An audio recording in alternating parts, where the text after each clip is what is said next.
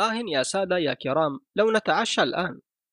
قال القائد العسكري المقدم ريبروتيوسوف وهو رجل طويل نحيف كعمود البرق.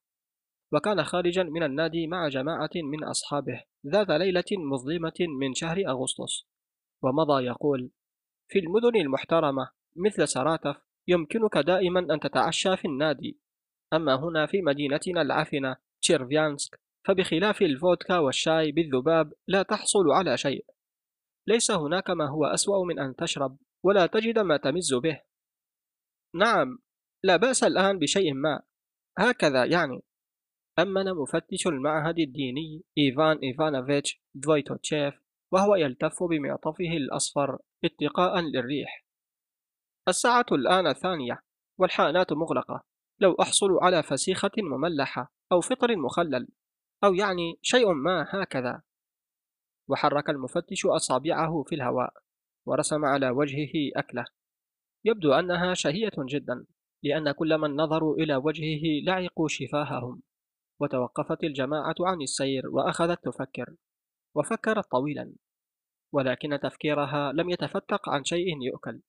واضطرت إلى الاكتفاء بالأحلام فقط. وتنهد نائب مأمور المركز بروجينا بروجينسكي وقال يا له من ديك رومي عظيم ذلك الذي أكلته بالأمس عند جولي بيسوف. بالمناسبة يا سادة ألم يزر أحد منكم وارسو؟ هناك يفعلون هكذا يأخذون سمك الشبوط العادي وهو حي يتلوى ويلقون به في اللبن ويظل هذا الوغد يعوم في اللبن يوما. وبعد ذلك يغمسونه في القشدة ويقلونه في مقلاة تطشطش. وعند ذلك لا حاجة يا أخي لأناناسك. أي والله! خاصة إذا شربت كأسا أو كأسين. تأكل ولا تحس كأنك في غيبوبة. الرائحة وحدها تجنن. فأردف ريبروتيوسوف بنبرة مشاركة قلبية. فإذا أضفت إليه خيارا مملحا. عندما كنا معسكرين في بولندا كان يحدث أن تحشر في جوفك حوالي المائتين من البلمين مرة واحدة. تملأ بها طبقا كاملا. وترش عليها الفلفل والشبت والبقدونس و لا أستطيع أن أعبر لكم. وتوقف ريبروتيوسوف فجأة واستغرق في التفكير. تذكر حساء السمك الذي أكله عام 1856 في دير الثالوث الأقدس. وكانت ذكرى هذا الحساء لذيذة إلى درجة أن القائد العسكري شم فجأة رائحة السمك وحرك فكيه لا إراديا ولم يلحظ تسرب الوحل إلى خف حذائه. وقال كلا لا أستطيع. لا أستطيع أن أصبر أكثر. سأذهب إلى البيت وأمتع نفسي. اسمعوا يا سادة فلتأتوا معي. إي والله لنمز بما رزقنا به الله. خيار مرتديلا ونشعل السماور. لنمز ونتحدث عن الكوليرا ونتذكر ما مضى. زوجتي نائمة الآن لن نوقظها. سنجلس في هدوء. هيا بنا. ولا حاجة لوصف الإعجاب الذي قوبل به هذا العرض. يكفي فقط أن أقول إنه لم يكن لدى ريبروتيوسوف في أي وقت مضى مثل هذه الكثرة من الخيرين كما كان لديه في هذه الليلة. سأقطع أذنيك قال القائد العسكري لجندي المراسلة وهو يدخل بالضيوف إلى غرفة الجلوس المظلمة. قلت لك ألف مرة يا حيوان أن تشعل البخور عندما تنام في المدخل. اذهب يا غبي وأشعل السماور. وقل لإيرينا أن تحضر ال... أن تحضر من القبو خيارا وفجلا. ونظف بعض الفسيخ. وقطع البطاطس دوائر. والبنجر أيضا. وكل هذا صب عليه الخل والزيت والمسترد أيضا. ورش الفلفل فوقه. باختصار طبق مزة. مفهوم؟ وحرك ريبروتيوسوف أصابعه مصورا الخلطة. وأضاف إلى المزة بتعابير وجهه ما لم يستطع أن يضيفه بالكلمات.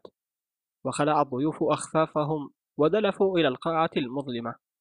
وأشعل صاحب البيت عود ثقاب ففاحت رائحة الكبريت. وأضاء الجدران المزينة بهدايا مجلة نيفا ومناظر البندقية. وصورتين للكاتب لجيتشنيكوف وجنرال ما بعينين مدهوشتين للغاية. حالا حالا همس رب الدار وهو يوسع المنضدة بهدوء. سأعد المائدة ثم نجلس. ماشا زوجتي مريضة اليوم. أرجو المعذرة إذا عندها مرض نسائي ما. الدكتور جوسين يقول إن ذلك بسبب أكل الصيام. جائز جدا. ولكني أقول لها يا روحي ليست المسألة في الأكل. ليست المسألة فيما يدخل الفم بل فيما يخرج من الفم. فأنت تأكلين أكل الصيام ولكنك عصبية كما كنت وبدلا من أن تتعبي جسدك الأفضل ألا تغضبي وألا تتفوهي بكلمات. ولكنها لا تريد حتى أن تسمع. تقول لقد تعودنا على ذلك منذ الصغر. ودخل جندي المراسلة ومد عنقه وأسر بشيء ما في أذن رب الدار ولعب ريبروتيوسوف حاجبيه ودمدم بصوت كالخوار نعم هكذا عموما بسيطة حالا سأعود. دقيقة واحدة. ماشا أوصلت القبو والخزائن في وجه الخدم وأخذت المفاتيح ينبغي أن أذهب لإحضارها. وصعد ريبروتيوسوف على أطراف أصابعه وفتح الباب بهدوء ودخل على زوجته كانت نائمة وقال وهو يقترب بحذر من السرير يا ماشا استيقظي دقيقة واحدة يا ماشا قالت من؟ أهو أنت؟ ماذا تريد؟ قال أنا يا ماشنكا بخصوص ال أعطيني يا ملاكي المفاتيح ولا تقلقي نامي مطمئنة أنا سأهتم بهم سأعطي كل منهم خيارة ولن أبدد أكثر من ذلك شيئا. أقسم لك. هناك دويتوتشيف أتدرين وبروجينا بروجينسكي وآخرون. كلهم أشخاص رائعون محترمون في المجتمع. أتدرين بروجينسكي يحمل وسام فلاديمير من الطبقة الرابعة. أوه كم يحترمك؟ قالت أين سكرت إلى هذا الحد؟ قال ها أنت ذي تغضبين. يا سلام عليك. سأعطي كل منهم خيارة وهذا كل شيء وسينصرفون. أنا سأهتم بهم ولن نزعجك أبدا. نامي يا لعبتي. وكيف صحتك؟ هل جاء جوسين في غيابي؟ انظري.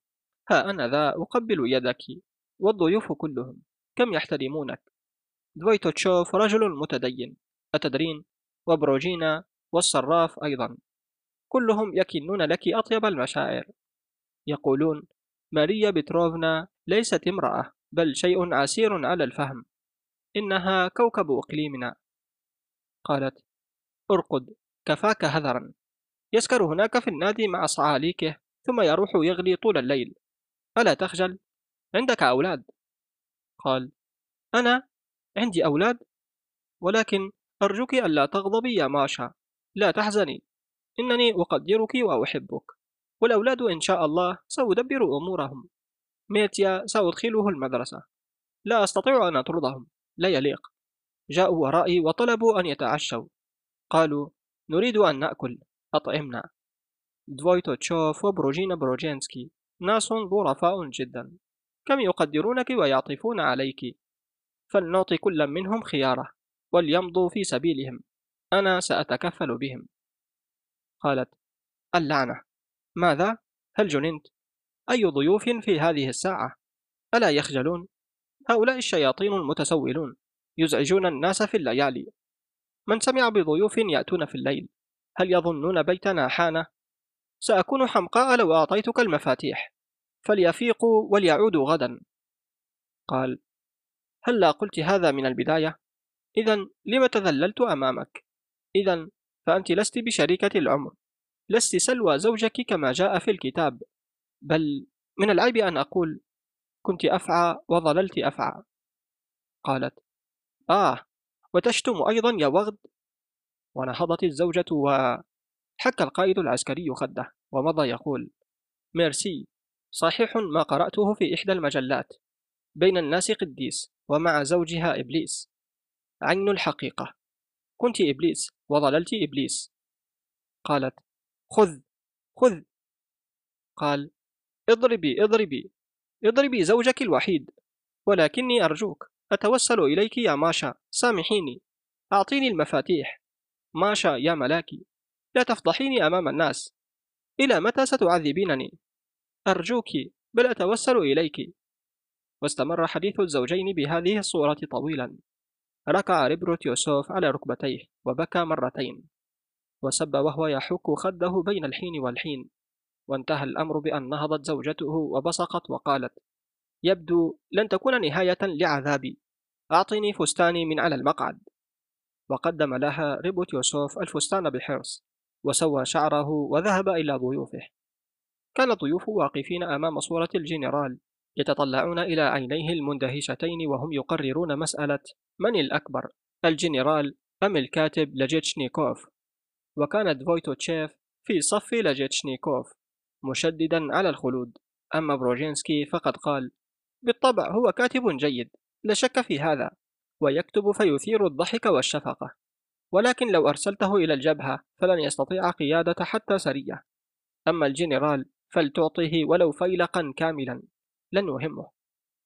وقال رب الدار وهو يدخل مقاطعا زوجتي ماشا ستأتي الآن. حالا. لقد أزعجناكم حقا. يا فيودر أكيميتش ماذا حدث لخدك؟ يا إلهي وتحت عينك كدمة. أين حصلت على هذا؟ فقال رب الدار محرجا. خدي؟ أين خدي؟ آه نعم. لقد ذهبت الآن إلى ماشا متسللا. أردت أن أخيفها وإذا بي أصطدم في الظلام بالسرير. ها هي ذي ماشا كم أنت مشعثة يا عزيزتي. مثل لويزا ميشيل تماما. دخلت ماريا بتروفنا إلى القاعة مشعثة الشعر نعسانة ولكنها متهللة ومرحة وقالت هذا لطيف منكم إذا جئتم إلينا. إذا كنتم لا تأتون إلينا في النهار فشكرا لزوجي الذي جاء بكم ولو ليلا. كنت نائمة وإذا بي أسمع أصواتا. فقلت لنفسي يا ترى من هؤلاء؟ لقد أمرني فيديا أن أرقد وألا أخرج ولكني لم أطق. وهرولت الزوجة إلى المطبخ وبدأ العشاء. قناة قصص عبد الباري الطشاني على اليوتيوب. وعندما خرجوا بعد ساعة من دار القائد العسكري قال بروجينا بروجينسكي وهو يتنهد ما أطيب أن تكون متزوجا. تأكل عندما تريد وتشرب وقتما تشاء. وتعلم أن هناك مخلوقا يحبك ويلعب لك على البيانو شيئا ما. هكذا. ما أسعد ريبروتيوسوف. أما دويتشوف فلزم الصمت. كان يتنهد ويفكر. وعندما وصل إلى البيت وراح يخلع ملابسه تنهد بصوت عال حتى أنه أيقظ زوجته. لا تدق بحذائك أيها الرحى. قالت زوجته. تمنعني من النوم. يشرب حتى السكر في النادي ثم يثير الضجة. هذا المسخ. فتنهد المفتش قائلا. لا تعرفين سوى السباب. لو أنك رأيت كيف يعيش آل ريبرتوسوف ما أروع حياتهم. عندما ينظر المرء إليهم يود لو يبكي من التأثر. أنا وحدي التعيس إذ بليت بشمطاء مثلك. أفسحي. وتغطى المفتش بالبطانية. ونام وهو يشكو في سره حظه البائس. دموع لا يراها العالم. للأديب الروسي أنطون تشيخوف بصوت عبد الباري الطشاني. شاهد أيضا أحد هذه الفيديوهات الظاهرة أمامك على الشاشة.